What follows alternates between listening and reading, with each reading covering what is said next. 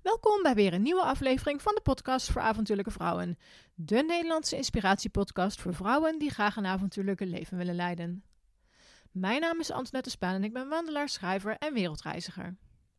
In deze aflevering heb ik een gesprek met Jessica Lokker, digital nomad, content creator en eigenaar van het blog Corners of the World.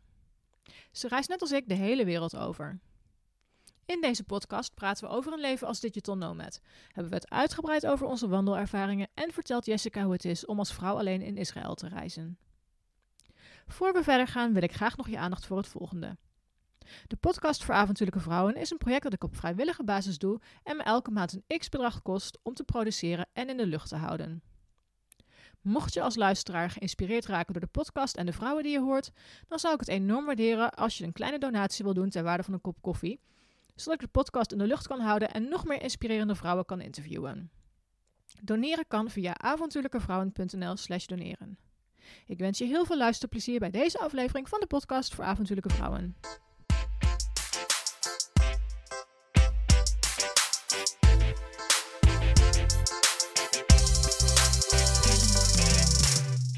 Jessica, van harte welkom in de podcast voor avontuurlijke vrouwen. Dankjewel. Leuk dat je hier bent, want je bent niet zo vaak in Nederland. dus mooi dat we dit zo hebben kunnen plannen. Um, mijn allereerste vraag is, wie ben je en wat doe je? Nou, ik ben Jessica. Ik ben inmiddels 27, bijna 28 alweer. Uh, en ik heb journalistiek gestudeerd en ik ben inmiddels al zo'n vijf jaar content creator, uh, met een mooi woord. En ik doe dat vooral voor de evenementenwereld en de reiswereld. Uh, en daarnaast heb ik ook mijn eigen reiswebsite, Corners of the World. En die is inmiddels ook al bijna vijf jaar oud. Um, dus ja, en daaromheen doe ik ook nog heel veel andere dingen. Maar dat is een beetje de core of uh, wie ik ben en wat ik doe. Leuk. Nou ja, wij kennen elkaar uit de reisbloggersbranche, om het zo maar te zeggen. Yes. Wij, spreken, wij spreken ongeveer één keer per jaar af, volgens mij. Ja. Dan gaan we hier in het bos, waar we nu zijn in Arnhem, gaan we een poging doen om te wandelen. Maar net zoals vorig jaar is het ook dit jaar weer K-weer. Dus, ja, um, niet de beste momenten uit. Nee, hè? nee. Maar ja, goed, de reden dat ik jou dus uh, gevraagd heb voor de podcast... is dat jij uh, volgens mij een van de eerste digital nomads was van Nederland. Wat ik me kan herinneren. Um, um, ja, volgens mij Esther Jacobs wordt vaak ja. wel een beetje een soort van de moeder pionier. van de digital nomad. Ja. Pionier inderdaad genoemd. Um, ja, voor mij, ja, toen ik daar destijds mee begon, ook al ja, zo'n vijf jaar geleden, um, is dat volgens mij begonnen omdat ik toen een weekje naar volgens mij Italië of Spanje ging. En toen zei iemand ook, oh, maar dan neem je je werk toch gewoon mee, want dat doe je toch op je laptop heel veel. Toen dacht ik, ja, weet je, ik kan inderdaad een weekje naar Spanje toe, maar ik kan dat eigenlijk ook in Colombia doen of in Indonesië doen. Uh, en omdat ik natuurlijk ook veel voor de reiswereld deed, leverde me uiteindelijk alleen maar meer werk op als ik in het buitenland was. Dus voor, vaak voor mij is het ook wel een beetje als ik terug in Nederland ben, een soort van vakantie vieren. Want ik kan dan even tot rust komen. Ik hoef dan niet meer van hot naar her te reizen. Niet ik voor content. Ja. ja, inderdaad. Dus, uh, dus ja, ik denk dat ik nu al bijna zo'n vijf jaar uh, de wereld rondreis, geen vaste woonplek heb. Ik heb vaak wel langer op één plek gezeten. Ik heb bijvoorbeeld afgelopen jaar drie maanden in Roemenië gewoond. Ik heb meer dan een jaar in Israël gewoond. Uh, een tijdje in Suriname, in Indonesië. Maar er is nergens een plek waar ik denk... hier moet ik voor de rest van mijn leven blijven leven en wonen. Nee, dus je kunt eigenlijk overal je weg wel, uh, wel vinden. Ja. ja. Ja, en ik vond het gewoon heel erg leuk om jou ook uh, te interviewen over onder andere Israël. Uh, maar ook je, je bezoekt echt wel bestemmingen die echt ver van het gebaande pad gaan. Je was, ja, wat je net zei, je bent in Roemenië geweest, maar bijvoorbeeld ook onlangs in Moldavië. Een ja. bestemming waarvan ik het idee heb dat heel veel Nederlanders misschien niet eens weten waar het ligt. Ik moet eerlijk zeggen, ik moest net ook even op de wereldkaart die hier hangt spieken. Waar ligt het ook alweer ja. precies? ja. um, Laten we beginnen met iets meer over Israël. Want je hebt daar ook heel veel als vrouw alleen gereisd. Ja. En nou kan ik me voorstellen dat het voor heel veel vrouwen toch een dingetje is van überhaupt alleen reizen. Is, is, um, is al spannend. En dan ga je ook nog eens naar een bestemming als Israël. Um, om, om even te praten in Israël voor dummies. um, wat maakt het tot een uitdagende bestemming? Kun je in, in, in één of twee minuten uitleggen wat, wat er aan de hand is, wat het zo lastig maakt, of in ieder geval uitdagend en spannend maakt of lijkt te maken? um, Oeh, Israël voor dummies. Um, nou, het is sowieso voor mij als verhalenmaker en met mijn journalistieke achtergrond vind ik Israël wel een heel fascinerend land. Want ik denk dat het bijna nergens zoveel verschillende verhalen, verschillende meningen, verschillende levensomstandigheden te vinden zijn als in Israël en ook de Palestijnse gebieden. Ehm, dus in dat opzicht, als verhalenmaker kun je daar echt je geluk niet op. Want iedere dag kom je weer iets bijzonders, iets geks tegen. Mensen met het Jeruzalem-syndroom. Mensen die dus inderdaad denken dat ze een soort van de nieuwe Messias zijn. Um, ook hele intrigerende en zielige verhalen. Als ik bijvoorbeeld naar Palestijnse gebieden ging. Mensen die uh, niet op tijd bij het ziekenhuis konden komen. Mensen die overlijden omdat ze simpelweg niet ergens naartoe mogen omdat ze ergens geboren zijn. dat zijn best wel harde waarheden die je daar ook tegenkomt. Um, dus ik denk dat ik daarom... In eerste instantie wilde ik eigenlijk twee, tweeënhalve maanden naar Israël toe... en daarna door naar Jordanië. En mijn idee was nooit om daar een jaar lang te blijven. Maar toch iedere keer bleef ik na drie maanden weer inderdaad... nou, kom toch weer terug. Ik ga toch weer mijn visum verlengen. Ik blijf hier toch weer langer. Uh, omdat er gewoon zoveel verhalen te verzamelen waren. Zoveel mensen die ik nog wilde spreken en hun verhaal wilde horen. Uh, dus het is vooral qua cultuur en qua mensen is het heel interessant. Um, ik ben zelf meer van de oceanen en de bergen en dergelijke. En Israël is grotendeels woestijn. Uh, dus als hiker is het soms iets minder uitdagend om bijvoorbeeld naar Israël te gaan. Uh, maar daar zag ik dan juist ook wel weer de uitdaging van in. Want in Israël heb je wel degelijk hele mooie plekken waar je naartoe kan wandelen. En uh, plekken die, vooral juist als je ergens einde van de ochtend of midden in de nacht begint met hiken en je ziet ergens een zonsopkomst, bijvoorbeeld bij Masada, bij de Dode Zee. Dat zijn denk ik een van de mooiste wandelingen die ik ooit gemaakt heb. Dus dat vond ik juist ook wel weer het uitdagende van, oh, Israël is niet een land waar bijvoorbeeld avontuurlijke mensen of echt natuurmensen naartoe willen gaan, maar wat kan ik hun alsnog laten zien wat ze misschien mogelijk interessant vinden. Ja, en hoe was, hoe was het voor jou om dat in je eentje te doen? Um, was het makkelijk in de zin, uh, zijn de faciliteiten goed? Moet je veel dingen voorbereiden vanuit Nederland? Of kun je ter plekke veel dingen regelen? Uh, ik ben sowieso wel een beetje go with the flow. Dus heel veel dingen konden ter plekke geregeld worden. En dat was ook makkelijk om te doen. Uh, het enige waar ik vooral met de loop der tijd problemen mee kreeg was mijn visum. Als je daar de eerste keer komt en je komt echt als toerist... dan zullen ze je vrij snel doorlaten. Maar hoe vaker je komt of hoe langer je ook blijft... Uh, hoe vervelender ze gaan zijn. Uh, ik ben uh, op een gegeven moment ook bijna op het vliegtuig terug naar huis gestuurd. Omdat ze zeiden: Weet je, je bent hier gewoon te vaak en te lang. En we, geloven je verhaal niet, meer van het werken op je laptop en vrienden bezoeken. Terwijl dat wel mijn verhaal was. Ik was daar om op mijn laptop te werken, verhalen uit te werken en vrienden op te zoeken. Um, dus dat werd na verloop van tijd lastig. Maar ik denk als je gewoon eenmalig of eens in de zoveel tijd naar Israël zou gaan, dan heb je daar niet zoveel problemen mee. Uh, mogelijk, het klinkt vervelend, maar als je misschien bijvoorbeeld een Arabische naam hebt of een Arabische achternaam of een Arabisch uiterlijk, kunnen ze je ook wat meer ondervragen. Dus daar moet je misschien soms ook op voorbereid zijn. Maar eigenlijk als je, ja, je, je, kunt het vliegtuig pakken, je, je, je hoeft je, visum niet vooraf te regelen. Uh, je mag dan in principe drie maanden blijven. En ter plekke, ja, weet je, bijvoorbeeld van Tel Aviv naar Jeruzalem, ieder kwartier gaan er bussen. Er gaan bussen naar de Dode Zee, er gaan bussen naar Eilat in het zuiden. Uh, er gaan bussen naar dorpen in de woestijn. Uh, er zijn een paar treinverbindingen. Al zou ik eigenlijk mensen aanraden om overal de bus naartoe te nemen. Omdat het gewoon veel efficiënter en makkelijker en volgens mij zelfs goedkoper is. Uh, het enige nadeel waar je het busnetwerk wat minder kunt gebruiken is het noorden. En het noorden is wel wat aantrekkelijker weer voor het hiken en het meer avontuurlijke. Maar daar is liften weer zo gebruikelijk dat je binnen vijf minuten aan de weg staat en iemand je eigenlijk uit zichzelf al oppikt van, oh ja, heb, hem, waar moet je naartoe? Uh, heb je een lift nodig?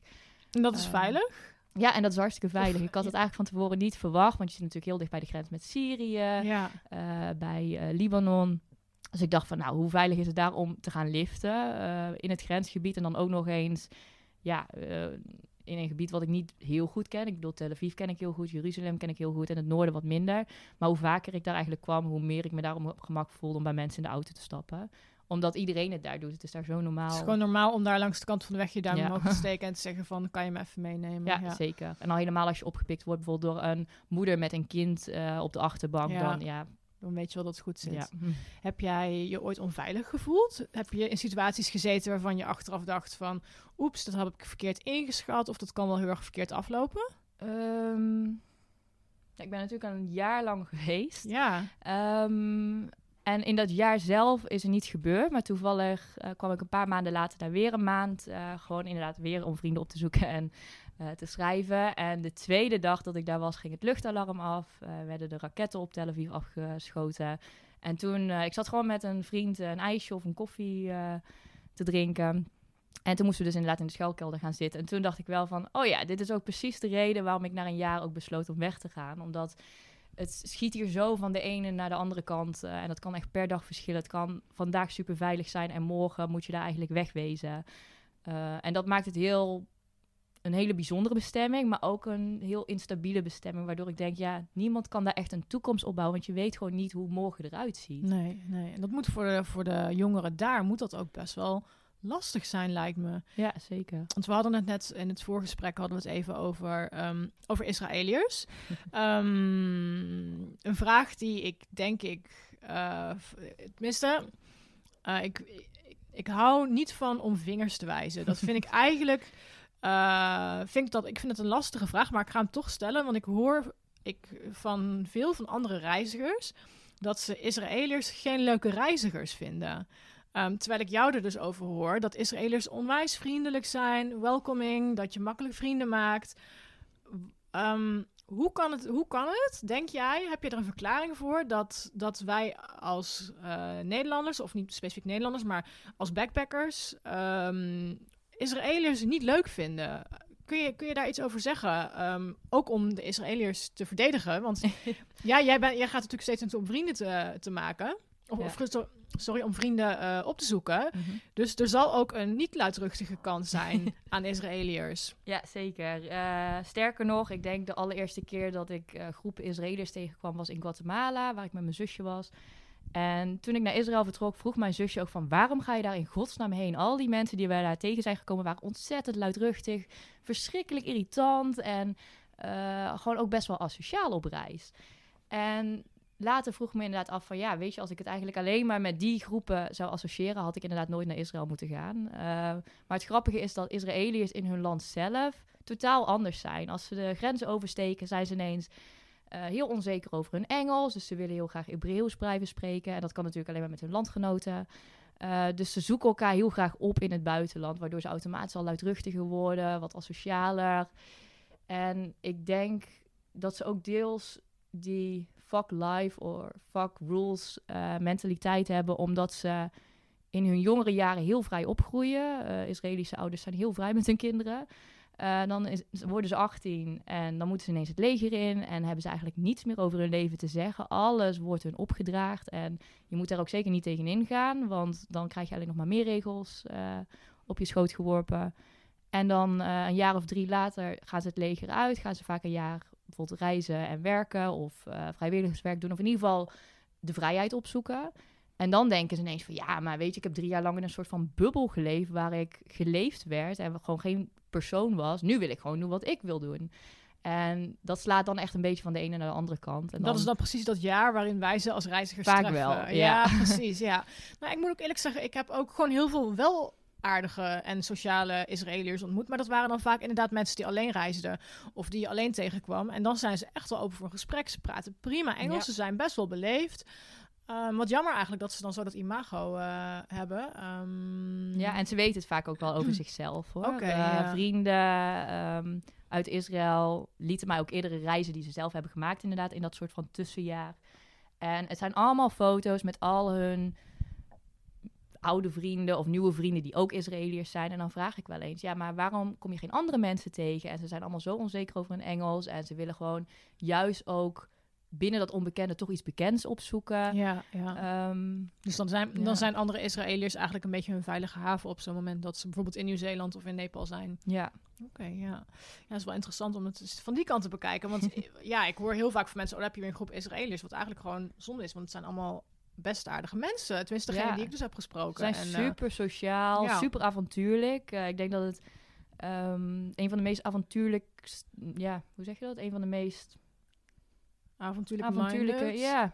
Hebben ze, ze, zijn, ze, staan open voor alles. Ze zijn heel open-minded. Uh, ze zijn vaak ook heel fit. Dus je ziet ze vaak in de bergen op meerdaagse wandeltochten. Ze lopen met al hun spullen, wandelspullen, wow. kampeerspullen en alles. Ze nemen het allemaal mee. Uh, omdat ze natuurlijk ook, ja, dat komt ook weer vanuit uh, die geschiedenis dat ze drie jaar in het leger zitten. Of in ieder geval de mannen zitten drie jaar in het leger. En, en de vrouwen hoeven niet het leger uh, Jawel, volgens mij een jaar of anderhalf jaar. En dan mogen ze daarna kiezen of, of ze, ze verder door willen gaan. Ja, maar volgens okay. mij mogen ze na anderhalf jaar ook zeggen, het is nu genoeg. Ja. Ehm, maar ja, die, die, die worden natuurlijk ook gedrild om super fit te zijn. Dus ja, ja, die kunnen al die spullen ook op hun rugzak meedragen. Um, hoe, hoe zag jouw leven eruit in Israël? Want um, nou ja, jij bent dus uh, digital nomad. Um, ik vind die term altijd een beetje, een beetje lastig, omdat het wordt een beetje overhyped. Ja. Maar eigenlijk wat je doet is locatie onafhankelijk werken. Dat vind ik eigenlijk de naam die de voorkeur heeft bij mij, omdat het precies aangeeft wat je doet. Hoe zag je, want jij was er dus niet alleen om te reizen. Hoe zag een gemiddelde dag of een week voor jou eruit? Uh, ik werkte in Israël voor een uh, hostel en tour company. En ik maakte de video's voor hun, voor de marketingafdeling. Um, dus ik was, dat is natuurlijk niet uh, locatie onafhankelijk, want ik moest natuurlijk ter plekke dingen filmen en fotograferen. En dat kan alleen maar als ik daar ter plekke op die locatie ben. Dus in dat opzicht was het niet locatie onafhankelijk, maar veel van mijn andere werk was wel locatie onafhankelijk. Zoals interviews kon ik gewoon via Skype doen. Uh, heel veel dingen kan ik via de mail doen. Uh, researchen kan ik, waar er ook maar internet is, op mijn laptop doen. en het uitwerken natuurlijk van content. Als ik bijvoorbeeld video's moet editen, dat kan ik natuurlijk ook doen waar ik wil. Ja. Um, dus sommige dingen waren wel locatie afhankelijk. Um, maar omdat het bijvoorbeeld allemaal over Israël ging. ik heb ook heel veel content over Israël kunnen maken. En omdat ik daar ook op dat moment wilde zijn, vond ik het ook niet erg dat dat deel wel locatieafhankelijk was. Um, dus ja, ik zat ook gewoon hele dagen gewoon te editen uh, in koffietentjes. Uh, je hebt een paar coworking plekken. Uh, bij vrienden soms thuis. Um, op de marketingafdeling natuurlijk. En tussendoor ging ik vaak een uurtje naar het strand toe of aan het einde van de dag. ik deed drie à vier keer per week hardlopen, vaak aan het einde van de dag. Um, naar leuke feestjes. Israëliërs houden ervan om huisfeestjes te geven. Alles is ontzettend duur in Israël. en vooral in Tel Aviv. Dus dan inderdaad alles maar thuis, gewoon muziekje op, een paar biertjes of een paar drankjes inslaan en dan maken we het wel gezellig. En op die manier leer je natuurlijk ook weer meer en meer mensen kennen. Um, dus ja, er is uiteindelijk onwijs veel te doen. En natuurlijk binnen het land zelf is het natuurlijk ook op mijn vrije dagen kon ik uh, mooie wandelingen maken, leuke dorpen bezoeken. Uh, festivals worden er heel veel gegeven, ook in de woestijn, in de, in de steden. Dus er was genoeg te doen. En, en even voor mijn, voor mijn idee, uh, hoe groot is Israël ongeveer als je het vergelijkt met Nederland? Hoe vaak zou Nederland ongeveer erin kunnen? 15, uh, 100? Nou, geen nee, nee, minder. Nee. ik denk twee à drie keer. Oh, oké. Okay, ja, het is vrij klein. Ja. Um, misschien zelfs even groot. Als, nou, ik denk twee keer zo groot als Nederland. Um, en bijvoorbeeld de afstand tussen Tel Aviv en Jeruzalem is een uurtje met de bus. Oké. Uh, dus ik zeg ook heel vaak als mensen bijvoorbeeld vijf dagen willen gaan, uh, dan kun je het gemakkelijk combineren um, met een ja, stedentrip combinatie zeg maar, van Tel Aviv en Jeruzalem. Um, want ja, je reist een uurtje van stad A naar stad B en het vliegveld ligt een soort van midden. Middenin. Ja, tussen, ja, op ongeveer een kwartiertje van Tel Aviv vandaan. Um, dus ja, eigenlijk alle afstanden zijn eigenlijk heel klein. Ja, je, kunt van Tel Aviv naar het zuiden gaan, naar, de, uh, naar Eilat aan de Rode Zee. En dat is volgens mij vijf uur. En dat is ook echt de langste rit die je volgens mij oh, zult hebben. Ja. In dat het valt land. ook nog wel mee. Ja, en in het noorden ben je naar Nazareth ga je in 2,5 à 3 uurtjes. Ja. Voor de rest is het altijd binnen een uur kun je eigenlijk overal zijn waar je wil zijn. En als, en als jij, um, als iemand naar je toe komt en die zegt van, nou, ik zou wel een weekje in Israël willen, wat raad je me aan?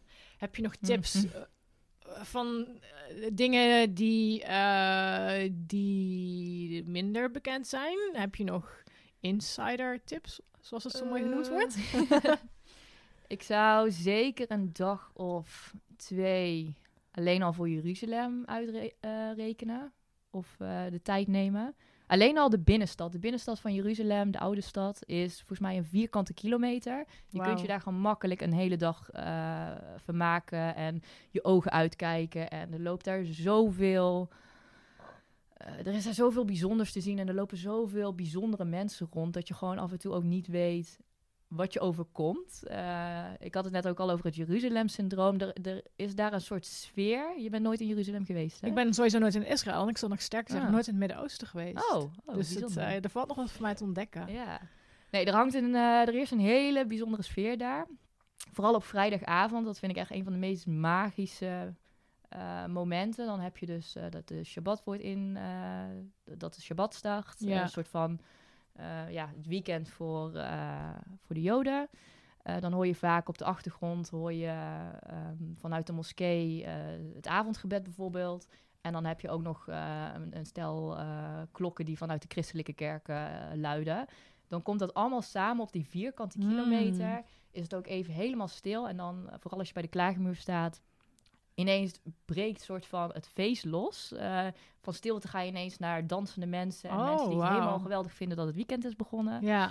Ehm, maar dat moment daarvoor, ja, dat heeft zoiets bijzonders, zoiets. Ja, het is een heel kippenvel. ja, echt een kippenvel uh, momentje. Ehm, dus ja, als mensen bijvoorbeeld op vrijdag in Jeruzalem kunnen zijn, zou ik zeggen, probeer dat zeker mee te maken. Probeer in de buurt van de klaagmuur te zijn. Want ik vind dat, een, ik heb het meerdere keren meegemaakt, maar het blijft heel bijzonder. Um, maar jammer genoeg is er op zaterdag vaak dan weer in Jeruzalem heel weinig te doen. Je kunt bijvoorbeeld niet de Tempelberg beklimmen. Uh, heel veel bezienswaardigheden zijn dicht. Um, omdat het natuurlijk echt de rustdag is. Um, dus in dat opzicht is het vaak wel... Het is heel mooi om er op vrijdagavond te zijn, maar op zaterdag is er weer weinig te doen. Ja. Dus dan zou ik aanraden aan mensen om bijvoorbeeld uh, richting de Dode Zee te gaan. Um, er rijden geen bussen, maar vaak wel uh, bijvoorbeeld taxis. Of misschien kun je met een tour mee. Um, en wat ook heel tof is, wat dus ook een van mijn favoriete wandelingen is in Israël, is uh, tijdens de zonsopkomst uh, de Masada beklimmen. Dat is een soort hmm. van grote rots vlakbij de Dode Zee, uh, waar de restanten van een fort liggen. En ik moet zeggen, we zijn misschien vrij verwend in Europa, maar dat fort is niet heel bijzonder meer. Het zijn een paar op elkaar gestapelde stenen. Overblijfselen um, eigenlijk meer ja. dan dat het nog een fort is. ja, je, ziet niet echt, je, je, moet echt veel verbeelding gebruiken om er een fort in te zien. Maar die plek is wel echt zo mooi. Je ziet dan op een gegeven moment van achter de bergen aan de Jordaanse kant die zon opkomen. En echt die glinsteringen zo op de Dode Zee. En hmm. die zon komt langzaam op. En dan zit je daar ook echt met, nou, misschien een man of 30 of 50 die dat doen. Uh, gewoon te wachten tot de zon boven komt. Hmm, en ja. ja. ik vind dat echt geweldig. Ja, toevallig zeiden mijn vriend en ik laatst tegen elkaar... wij reden naar Zweden twee, drie weken geleden. Mhm. En toen waren we... We zijn s'nachts om... Nee, s morgens om zes uur vertrokken vanuit hier, vanuit Arnhem. En toen waren we rond zonsopkomst net voor Hamburg, als ik me niet mm. vergis, met de auto. En de zon kwam op en toen zeiden we echt tegen elkaar... Wauw, de zonsopkomst is zo'n mooi moment. Eigenlijk moeten we vaker vroeg opstaan om die zonsopkomst mee te maken. Want dat is zo magisch dat stukje bij beetje de hele wereld weer verlicht wordt. Ja. En typisch is het dat je op reis regelmatig opstaat voor zonsopkomst. Ik heb het bijvoorbeeld in Bryson Zion National Park in. Amerika gedaan, Grand Canyon. Um, in uh, Australië bij Ayers Rock heb ik het gedaan. Dus je doet het op allerlei plekken.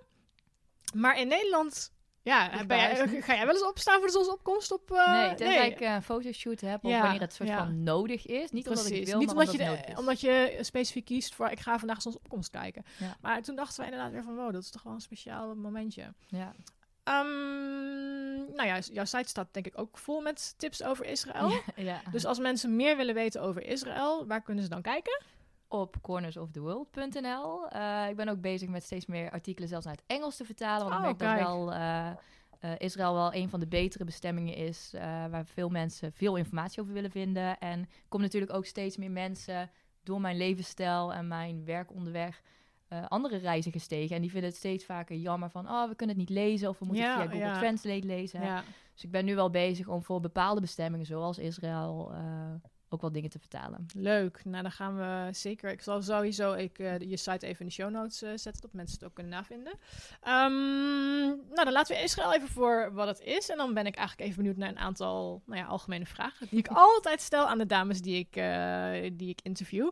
Um, even denken waar we mee gaan beginnen. Ik heb voor deze keer voor het allereerst geen vragen opgeschreven, want ik dacht wij kunnen sowieso wel goed praten, dus dat komt wel goed. Inderdaad. Um, even denken hoor. wat is je grootste avontuur ooit? Dat nog moet komen of dat is geweest? Allebei.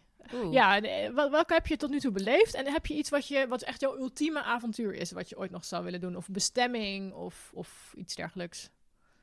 Mm, grootste avontuur ooit? Oeh, lastig. Ik ben heel erg van de lijstjes, maar ik vind het heel lastig om favorieten te kiezen. Ja, dus, ja herken ik het wel hoor. Ja. Ehm, of iets waar je met warme herinneringen aan terugdenkt. Dat je denkt van dat heeft toch wel een enorme onvergetelijke indruk over, uh, op mij gemaakt. ik denk wel, uh, ik ben een paar jaar geleden in 2016 met mijn zusje een maand gaan roadtrippen in West-Amerika.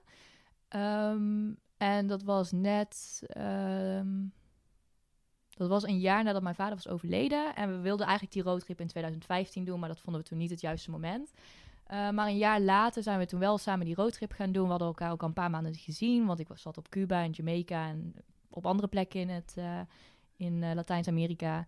En toen zagen we elkaar daar weer. En toen hebben we ook echt, ik heb gezorgd dat ik zoveel mogelijk werk afgerond had. Dus we hadden ook echt tijd voor elkaar. Uh, heel veel mooie wandelingen gemaakt. Uh, je hebt echt prachtige natuurplekken. Nou ja, weet jij ongetwijfeld. Ja, het is echt een van mijn favorieten. Ja, ja. dus uh, heel veel mooie wandelingen gemaakt. ik denk dat mijn zusje mij af en toe wel gehaat heeft om bepaalde wandelingen die ik dan nog net iets verder wilde maken of net iets meer avontuurlijk wilde maken.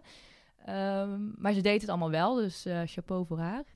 En ja, dat was gewoon heel erg fijn, omdat het gewoon een combinatie was van prachtige plekken, mooie wandelingen, echt quality time voor elkaar. Ook al zien we elkaar wat minder uh, op sommige momenten.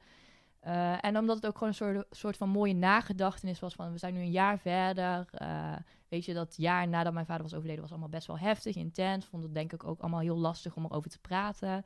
En dat was echt zo'n reis waar we ook heel erg reflecterend op die periode terug konden kijken en ook echt onze gevoelens konden delen. En dat vond ik wel heel bijzonder. Dus het is niet de meest avontuurlijke reis als in, wow, we hebben de meest extreme dingen gedaan. Maar het is wel een reis die me echt is bijgebleven. En ook gewoon echt omdat zij, zij volgt mij inderdaad gewoon op de meest idiote avonturen, volgt zij mij ook gewoon. Uh, dus dat vind ik ook altijd wel bijzonder, want dat doet ook niet iedereen. Uh, de meesten verklaren me vaak voor gek uh, met bepaalde dingen. Want zou, um, zou jouw zusje ook in de eentje avond op, op, op reis gaan? Of doet ze dat dan echt omdat ze met jou mee kan of gaat? Nee, dat ze het wel echt doet omdat ze met mij op pad gaat. Ja. Uh, in dat opzicht lijken onze levens ook niet heel veel op elkaar. Ze heeft een vriend, ze heeft haar eigen appartement. Uh, ze houdt ook wat meer van stabiliteit, waar ik juist heel erg adrenaline vind in het onzekere en het idee dat ik juist niet weet waar ik volgende week of volgende maand ben. Um, dus zij heeft wel een bepaalde stabiliteit nodig. En ik denk ook als ze in er eentje op pad zou gaan, dat ze daar oprecht niet heel veel plezier aan zou beleven. Ze wil het juist met iemand beleven. Ja. Uh, en ik vind het bijvoorbeeld juist heerlijk om alleen op pad te gaan. Natuurlijk wil ik soms ook wel eens mensen om me heen hebben en met mensen ook een avontuur beleven. Maar ja, ik vind het ook geweldig om een paar dagen alleen de bergen in te trekken of echt helemaal mijn eigen plan te kunnen trekken. En dat kan natuurlijk wel alleen maar als je echt alleen op pad gaat. Klopt, ja. En ja, het sowieso, ik denk dat we het zo nog wel even kunnen hebben over alleen uh, de bergen ingaan. Dat is ook altijd een leuk onderwerp natuurlijk. Mhm, mhm. Heb je nog een avontuur wat je graag zou willen beleven? Of stel dat jij, ja, heel dramatisch, dat je nog maar te horen krijgt, ik heb nog een half jaar te leven. Wat zou je dan als eerste nog gaan doen? Misschien moet ik het iets extremer stellen. Um, voor mij is het bijvoorbeeld Antarctica. Ik zou heel graag nog naar Antarctica willen.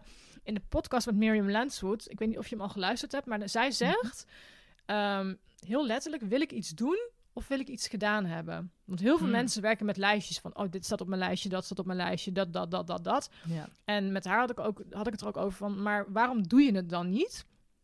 En hm. ik, ik heb daar heel erg over nagedacht, over die uitspraak. En toen dacht ik ineens van... ja, wil ik Antarctica doen of wil ik het gedaan hebben? En ik dacht, ja... Um, als ik het zo graag had gewild, waarom heb ik het dan nog niet gedaan? Toen dacht ik, ja, omdat ik het nooit de moeite heb genomen om ervoor te sparen. Want voor één Antarctica-reis kan ik drie maanden naar Nieuw-Zeeland. Ja. Ehm, maar ik wil het wel heel graag. Dus ik heb me nu voorgenomen om toch elke maand een heel klein beetje geld apart te gaan zetten voor Antarctica.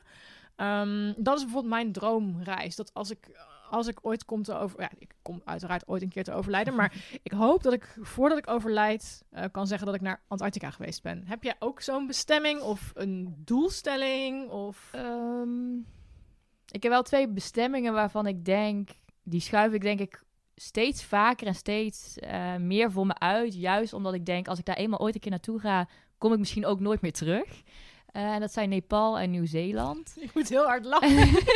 Want dat zijn echt twee bestemmingen waar ik dat helemaal voor me zie dat je niet meer ja. weg wilt. Ja. Dus uh, ergens denk ik ook wel van ja, kijk, als ik bijvoorbeeld naar Nieuw-Zeeland zou gaan, het klinkt misschien verwend, maar ik zou daar niet even voor een maand naartoe gaan. Dan wil ik daar echt naartoe om daar minimaal een half jaar of een jaar te zijn. Ja. En ik denk als ik daar dan dus ook een half jaar of een jaar ben, dat de kans misschien ook groot is dat ik hooguit naar Nederland vlieg voor de feestdagen, maar daarna misschien ook weer terugvlieg. Ja, ja. En ergens denk ik ook van dat onrustig in mij zegt ook zo van ja, maar je hebt ook nog zoveel andere plekken die je ook nog kunt bezoeken. Dus ga niet al voor die topbestemming waar je misschien dadelijk de rest van je leven wil blijven. En hetzelfde met Nepal. Uh, misschien is dat ook echt een plek waarvan ik denk, daar, daar kan ik misschien makkelijk een paar jaar verblijven zonder me te vervelen. Maar daardoor schuif ik ze misschien juist ook wel een beetje vooruit. Omdat ik denk, weet je, dat zijn van die plekken, daar, daar, die, die lopen niet weg. daar kan ik nog wel. wel naartoe. En als ik daar naartoe ga, dan ga ik er waarschijnlijk ook voor een langere tijd naartoe. Ja, ja. Um, en qua avontuur, ja, ik speel al steeds langer met het idee om een uh, camper of een camperbusje. Ligt er een beetje aan. Uh, hij moet niet te klein zijn. Ik wil wel wat ruimte hebben. En ik moet natuurlijk ook werken en dergelijke. Werkplekje, ja. Dus niet een omgebouwd Volkswagen busje. Ik wil wel iets, zeg maar, een iets uh, uitgebreidere variant hebben.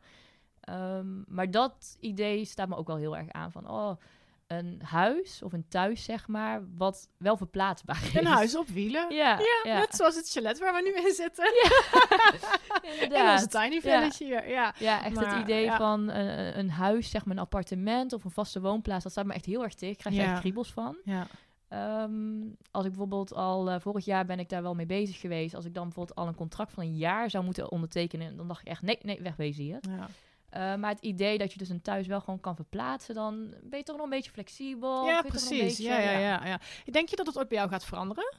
Um, want je hebt, ik kwam er zelf nou, ik geloof na een half jaar of korter eigenlijk al achter dat het, dat het echt, uh, het locatie onafhankelijk werken vind ik fantastisch. Ik vind het heerlijk dat ik overal ter wereld mijn laptop uh, kan openklappen en mijn werk overal kan doen. Mm -hmm. Maar ik vind het ook heel fijn om, om een thuis te hebben. Dus ik ben ongeveer een derde per jaar op reis. Op dit moment vind ja. ik ook echt, is voor mij de max.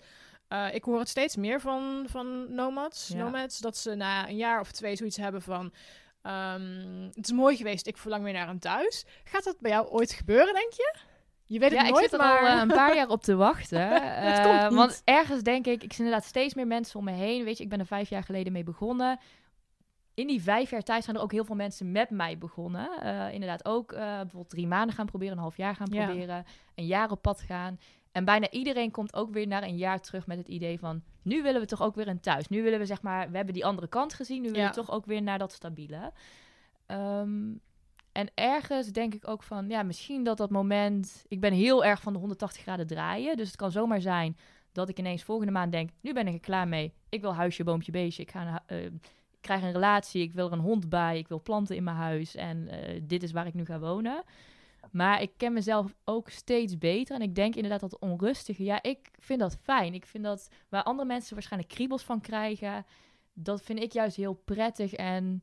Uh, Krijg je een beetje een kick van. Ja, inderdaad. Ja. En misschien inderdaad met de jaren dat dat minder gaat worden. Maar weet je, dit is al mijn leven voor vijf jaar. En er zijn af en toe wel eens momenten dat ik denk oh, nu wil ik wat meer stabiliteit of ik wil mijn vrienden wat vaker zien. Nou ja, dan kom ik even een maandje naar Nederland. Maar ik merk ook vaak dat het na een maandje weer begint te kriebelen van... oh, maar er zijn nu weer andere ideeën die uitgewerkt kunnen worden... of andere plannen. Ja, ja, ja. Uh, dus ik, ja, ik ben bang van niet. Zou je verliefd kunnen worden op een man in Nederland... die in Nederland echt gevestigd is... en uh, een, een, baan heeft? denk je?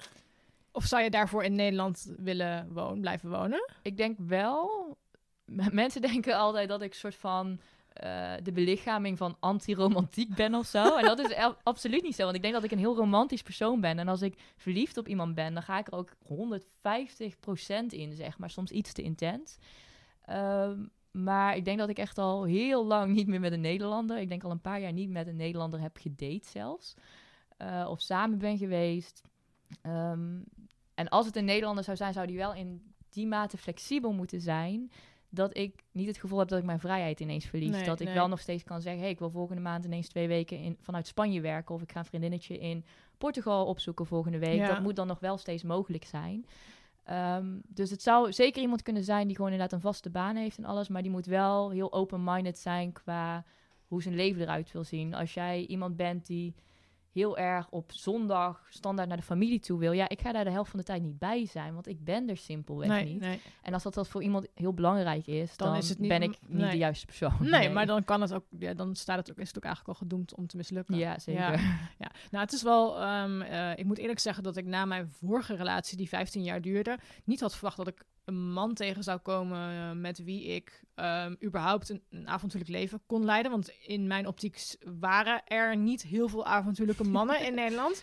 Um, die heb ik nu toch gevonden. Maar inderdaad, wel van tevoren niet afgesproken, maar hij kende mijn levensstijl wel. Hij wist wel van ja, die is gewoon een derde per jaar is ze er niet, ongeveer. Ja.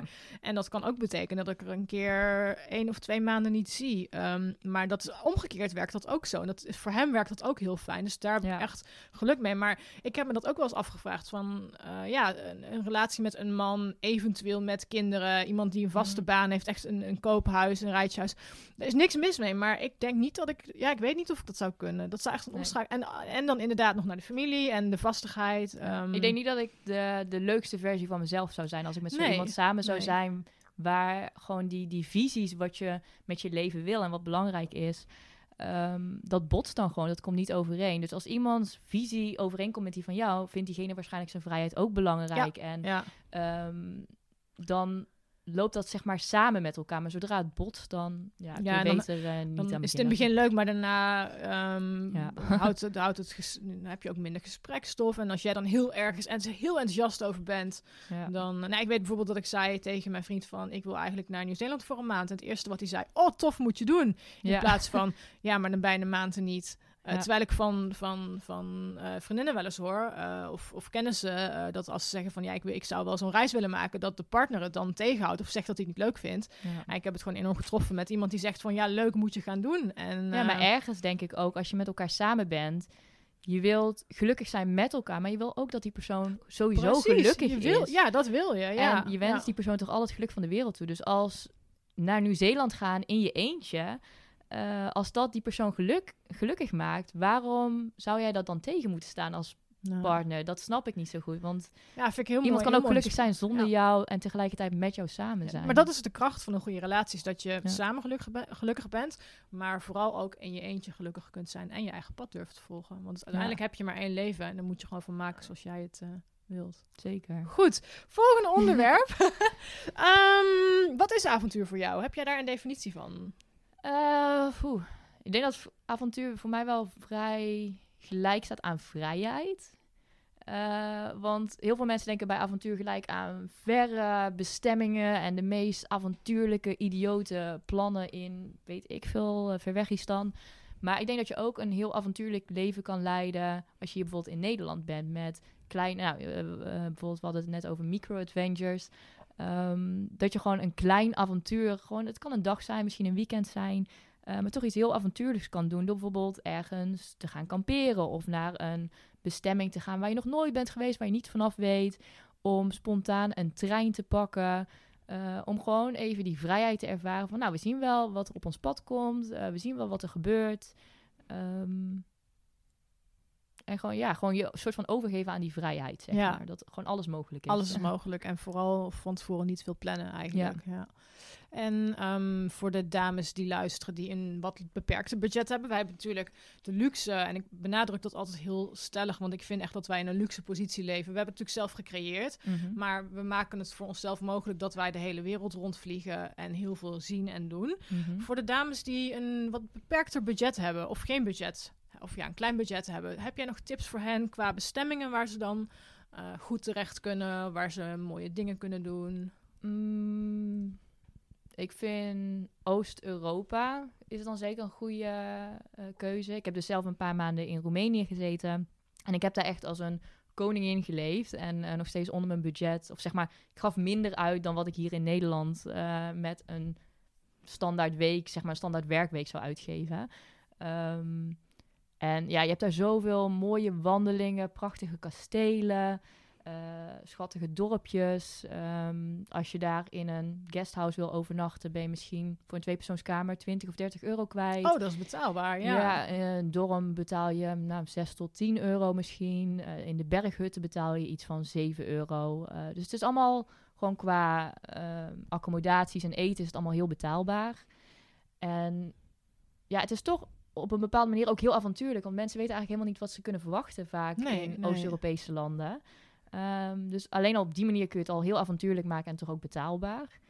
Uh, maar er zijn natuurlijk ook andere manieren om het betaalbaar te maken. Je kunt bijvoorbeeld naar een duurdere bestemming als Finland bijvoorbeeld, is niet de goedkoopste bestemming, uh, om daar vrijwilligerswerk te gaan doen. Of bijvoorbeeld in een guesthouse misschien uh, te helpen of op een husky farm te helpen of wat dan ook. Dan ja. maak je eigenlijk je kosten laag en kun je toch op een bestemming die wat duurder is, uh, toch een leuke tijd hebben. Ja. Nou ja, sowieso hebben we in Noord-Europa natuurlijk het, uh, het allemansrecht. Um, ik hoor heel vaak dat Scandinavië duur is en dat klopt ook wel. Maar wat wij vorig jaar gedaan hebben, is dat we een uh, Volvo V40 hebben omgebouwd tot een slaapauto. Mhm. het, het, is niet super comfortabel. We, slapen, we klappen dus de bank klappen we naar, uh, klappen we naar achteren. Of in ieder mhm. geval de achterzittingen halen we eruit, doen de bank naar voren. Uh, hebben er een houten frame ingelegd met een, met een matras. En daar slapen we dan. Maar in Zweden betekent het dat je overal mag kamperen. Ehm, binnen bepaalde marges. Um, benzine is goedkoper dan in Nederland. Echt waar? Ja, ja. Oh, Nederland is het duurste land in Europa wat benzine betreft momenteel. Dus echt, oh. daar is het, ik geloof 1,50 per liter. En ik geloof dat we hier op 1,70 zitten. ja. Dus daarvoor, dat is, nou, die kosten maak je natuurlijk in Nederland ook benzinekosten. Ja. Je hebt uh, qua overnachting kun je dus uh, overal wild kamperen op mooie plekken. Eten hm. moet je sowieso. Dus je kunt um, als je een beetje creatief denkt, kun je best wel... Dat is het, je moet creatief zijn. Ja, en, en, en, en gewoon denken van, nou ja, in Nederland moet ik ook eten. Dus als jij... Uh, ja, kijk, bier en wijn is, is duur. En groente en fruit in Zweden. Maar je kunt ook, uh, zoals afgelopen uh, week, of we zijn we teruggekomen uit Zweden, zijn we twee weken geweest, hebben wij voor twee weken lang boodschappen meegenomen vanuit Nederland. Oh, slim. Dus ik was gewoon met Lidl, ik had voor 150 euro. Dan hadden we bier en wijn en toastjes en brie. En hadden we ook echt wel vrij luxe boodschappen gedaan uh, voor de feestdagen. Ik had gewoon voor twee weken boodschappen meegenomen. Nou, dus 75 euro per persoon per week is helemaal niet heel veel. Uh, nee, 75 euro voor twee personen voor een week. Dus best wel redelijk. Maar ook echt elke dag uh, vers uh, groente, vers fruit gegeten. Lekkere kerststol gehaald. En ja, als je dat gewoon op die manier doet, kun je best wel. ja. ja, het enige wat wel duur is trouwens, moet ik zeggen, is de, de brug. Um, van, ja, de tol is vrij hoog, maar daar zijn ook weer manieren voor om dat goedkoper te doen. Uh, maar als je er dan eenmaal bent en je kunt overal gratis kamperen, en ja, dan, dan kun je de kosten enorm laag gaan. En als je gaat wandelen, nee, nou je weet zelf ook, wandelen kost ook niet heel veel. Nee, nee ja, voor sommige uh, natuurparken betaal je een entreeprijs, ja. of een soort van serviceprijs, zeg maar. Maar er zijn ook heel veel plekken waar je gewoon zelfs gratis kunt wandelen. Ja, ja wandelen is wat dat betreft heel goedkoop en duurzaam. Ja. We zijn natuurlijk ook allemaal bezig met duurzaam reizen. Ik merk dat ik daar steeds meer vragen over krijg op mijn mhm. site. Ik denk jij ook wel. Ja. Um, en dan zeg ik altijd, ja, wandelen is gewoon een hele duurzame manier van reizen. Het is goedkoop. Ja. Het is hartstikke leuk. En het is ook... Um, toen ik een jaar of 15 was, als je bijvoorbeeld als 15-jarige zei... nou, ik hou van wandelen, de natuur ingaan. Ik zat bij de jeugd natuurwacht als uh, toen op de basisschool... Uh, vonden de mensen allemaal maar surf en ze vonden mij een nerd. En tegenwoordig is het ook heel populair. Mensen noemen het onder mindfulness en het is goed om de stad uit te trekken en lekker de natuur in te gaan. En het is dus ineens heel hip en populair geworden. Ja, nou dat is wel grappig, want ik heb uh, Wie van de Travel in 2011 opgericht als blog. En 2013 is het echt uh, live gegaan voor het publiek. Ik had eerder gewoon zo'n zo'n waar ben jij nu uh, site met ik ben nu hier en ik, ik ga dat en dat doen. Maar 2013 ben ik echt verhalen gaan schrijven. En ik was toen op mijn allereerste blogbijeenkomst ooit. En daar vroegen mensen ook aan mij: wat is je doel? Wat is jouw missie? En toen heb ik ook gezegd: ik wil van wandelen. Ik wil uh, wandelen een hipper imago geven binnen Nederland. Hm. Nou zeg ik niet dat dat allemaal door mij komt. Maar ik, vind het, ja, ik, ik merk wel dat wandelen, waar ik. Ik heb in 2006 de Inca Trail gelopen. Nou, toen ik dat zei, de Inca-trail, wat is dat? dat zo, zo kreeg ik het echt te horen. En nu doet iedereen hem. Ja, hij zit volgens mij echt al maanden vol ja, soms. en dat was toen ook al wel, maar niet met Nederlanders. Terwijl nu zou ik niet eens met een Inca-trail lopen. Dan zou ik gewoon zeggen, kies een andere. Maar dat geeft wel aan hoe het veranderd is het afgelopen, de afgelopen jaren. En waar ik in, in het begin echt nog, als ik op een persreis wilde enorm moest smeken of ik alsjeblieft mee mocht. Mm. Ja, staat mijn mailbox nu vol met uitnodigingen of ik wil komen wandelen in een bepaalde regio. Um, dus je merkt wel echt dat ook de, de media-aandacht is, er, is er heel erg uh, op vooruit gegaan. Maar ook het, het, ja, als je vroeger zei inderdaad, ik ga wandelen. ja, dat, dat is echt, echt zo. Ja, dan was je, was je, geiten, was je geitenwolle ja. Ja. ja, dat is natuurlijk dat idee van vooral bergwandelen. En dan zien mensen natuurlijk echt van die afritsbroeken met hele lelijke schoenen eronder.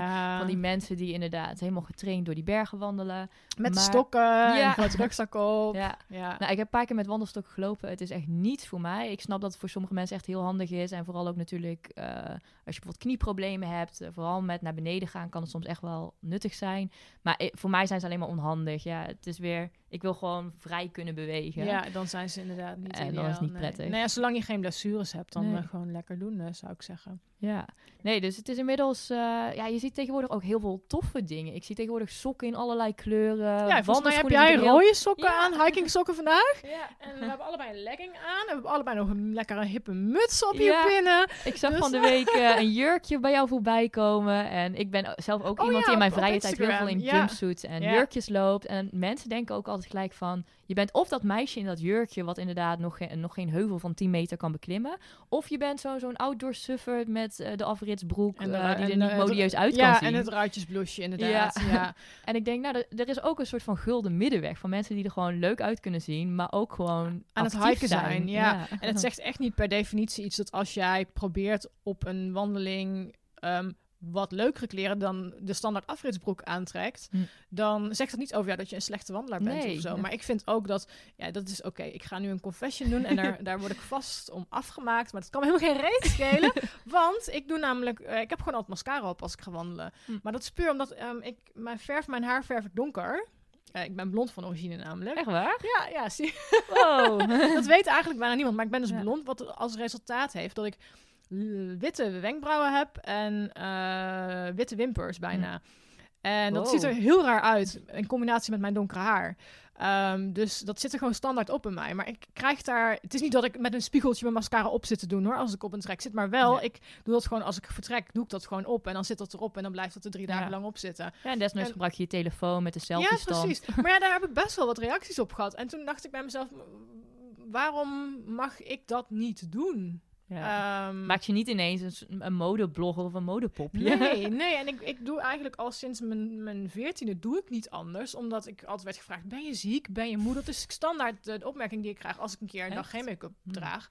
En uh, nou, we kunnen een hele discussie over make-up gaan voeren. maar het gaat er in ieder geval om dat, dat ik belangrijk vind dat iedereen kan hiken. Iedereen mag hiken. Ik heb ook uh, ja, respect voor iedereen die überhaupt uh, moeite doet om, om te gaan wandelen. Ja. Um, jij zei het heel mooi bergwandelen. Toen dacht ik, ja, maar we moeten het hiken gaan noemen. Want het is ook een ding tegenwoordig dat als je zegt hiken, dat het veel trendier klinkt. Ja, dat is waar. Dan, dan bergwandelen. Ja. Terwijl ik vind dat wel ook daadwerkelijk een verschil is bijvoorbeeld tussen wandelen in Nederland of echt de bergen intrekken. Ja, ja. Waar, wat, wat, wat, is, wat vind jij een hike en wat vind je een wandeling? Dat is een hele leuke discussie waar ik nooit uitkom met vrienden, maar... Ik vind het sowieso heel lastig om ook vaak voor andere mensen in te schatten wat zij, uh, wat moeilijk zou zijn of wat niet. Uh, ik vind een wandeling is echt, nou wat we hier bijvoorbeeld op de Veluwe zouden kunnen doen. Dat is gewoon uh, een vlak gebied. Het is niet een wandeling van vijf, zes uur. Het is echt gewoon, ja, gewoon een, een soort van day in the park, zeg maar. Ja. Uh, en een hike is wel echt, daar, daar bereid ik me op voor. Volgens mij had ik net niet eens, toen we gingen wandelen, niet eens water meegenomen. Want ik weet dat we binnen een uur weer terug zijn. Ja. Uh, dat zou ik voor een hike nooit doen. Dan neem ik genoeg water mee. Ik check mijn uh, rugzak om te kijken wat zit er allemaal in. Er zit vaak een EHBO-kit in. eten, drinken. mijn telefoon is opgeladen. Powerbank bij. Ehm, dat doe ik echt voor een hike, voor een wandeling. Als ik bijvoorbeeld een uurtje over de... Ik kom zelf uit de buurt uh, van Den Bosch, bij de Loons en Drunense Duinen. Als ik daar ga wandelen, dan neem ik vaak niet eens water mee. Tenzij ik echt meerdere uren op pad ga. Ja.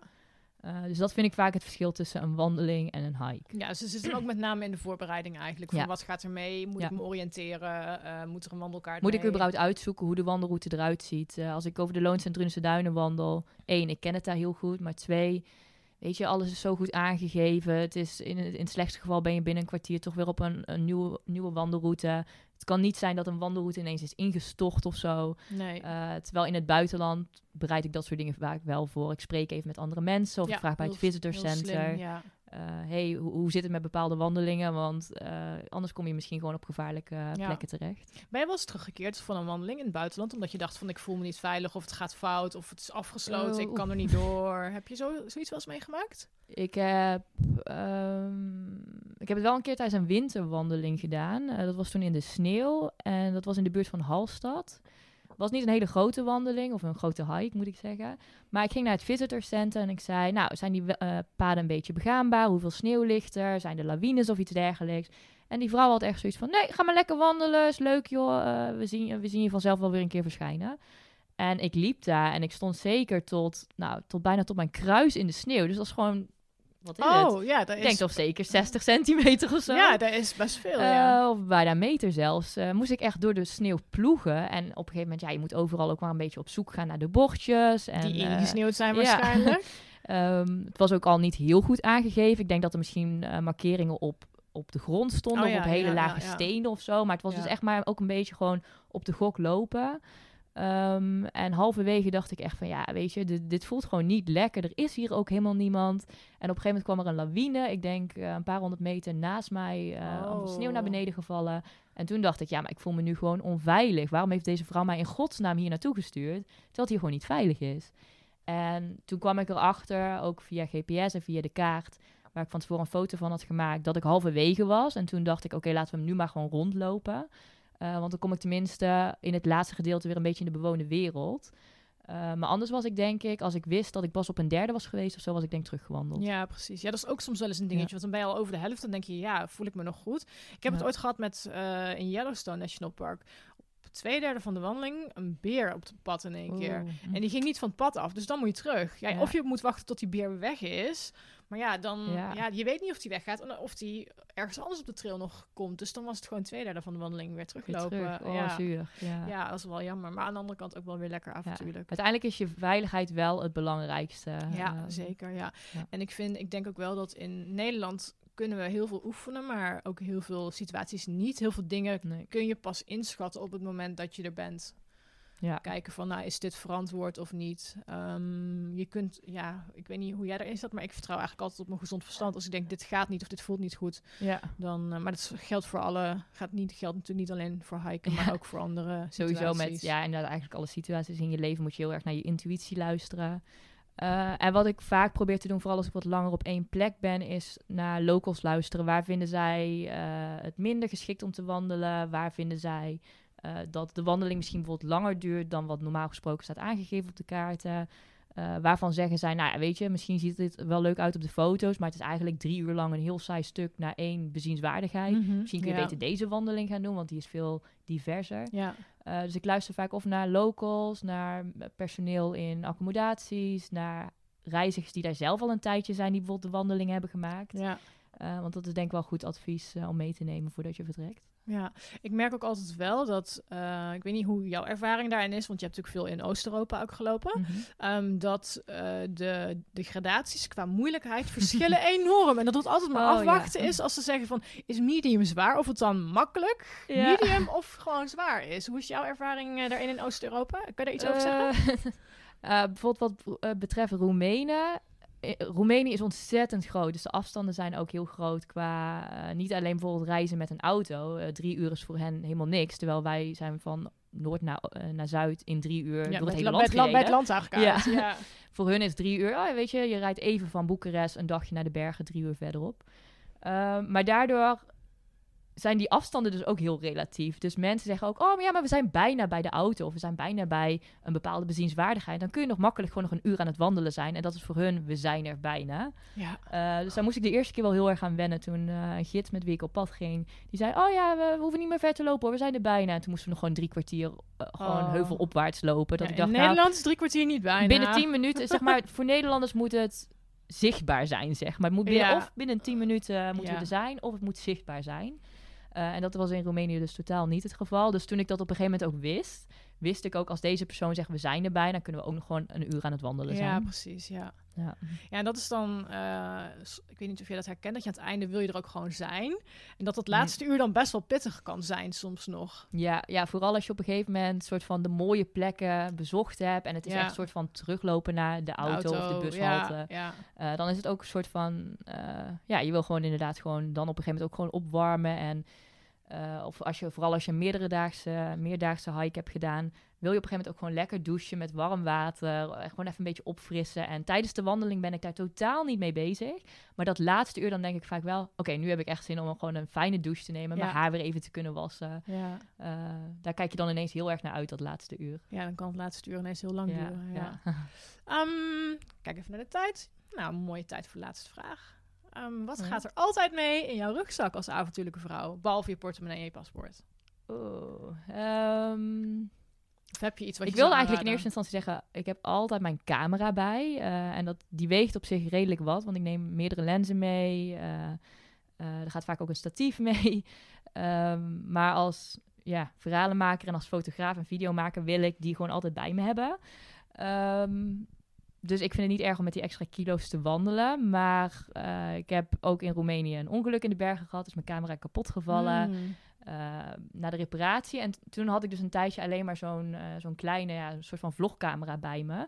En ik merkte ineens wel dat wandelen gewoon ineens veel makkelijker was. Want ik liep ineens niet met die 5 kilo extra aan camera-apparatuur. Ja, ja, ja. Dus toen dacht ik, oh, dat is ook wel heel erg lekker. Dus ergens zou ik willen zeggen, die camera gaat altijd mee. Maar soms denk ik ook wel eens, oh, het zou misschien ook wel fijn zijn om die camera af en toe gewoon lekker thuis te laten. Alleen die mini-camera mee te nemen en gewoon ook gewoon die vijf kilo even thuis te laten. Ja, voor je eigen comfort. Ja, maar toch word ik wel vaak wel weer kriebelig dat ik denk, oh, ik had dit mooie moment met mijn goede camera vast kunnen ja, leggen. Ja, ja, dat is omdat jij weet als fotograaf hoe het beter kan.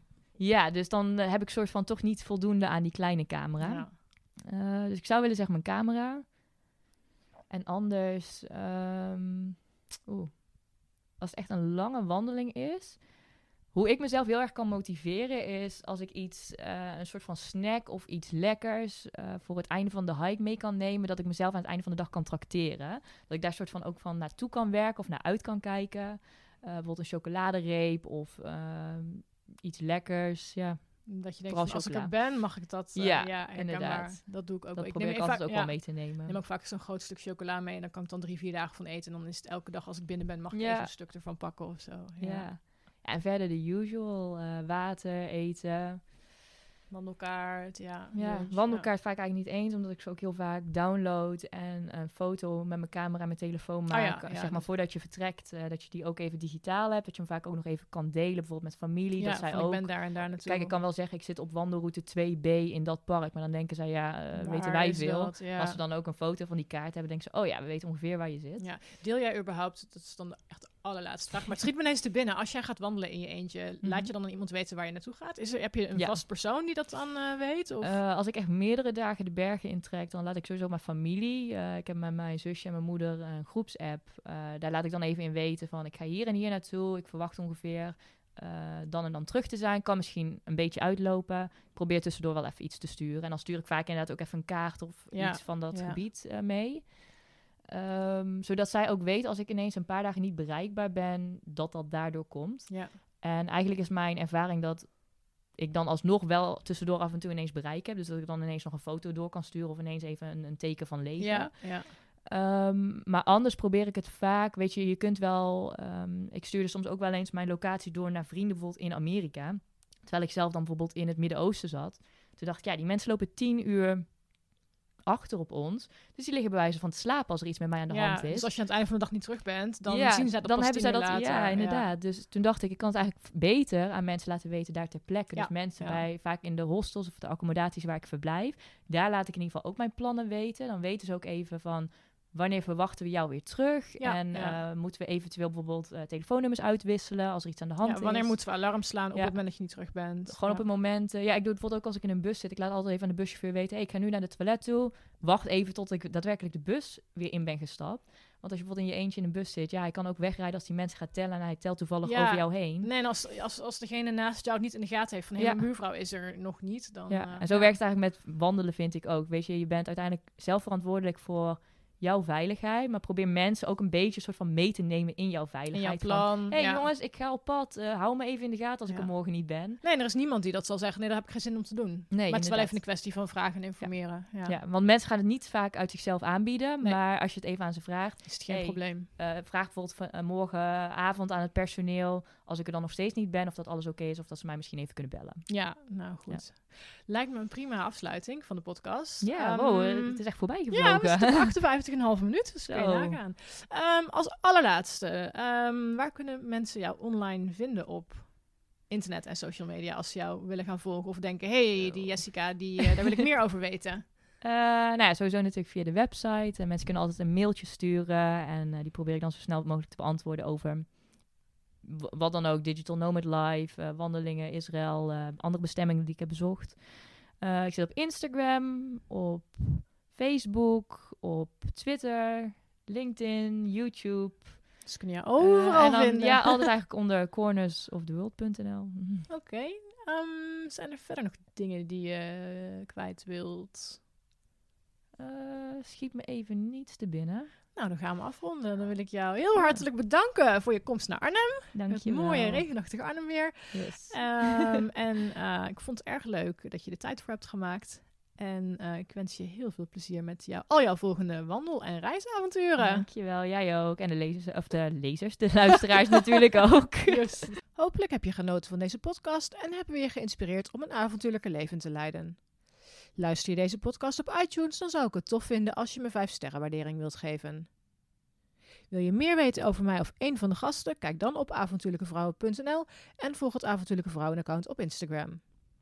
Ook is er de besloten Facebook community voor avontuurlijke vrouwen waar je kunt connecten met like-minded dames. Lid worden kan eenvoudig door een lidmaatschapsverzoek in te dienen. Voor nu bedankt voor het luisteren en graag weer tot de volgende keer.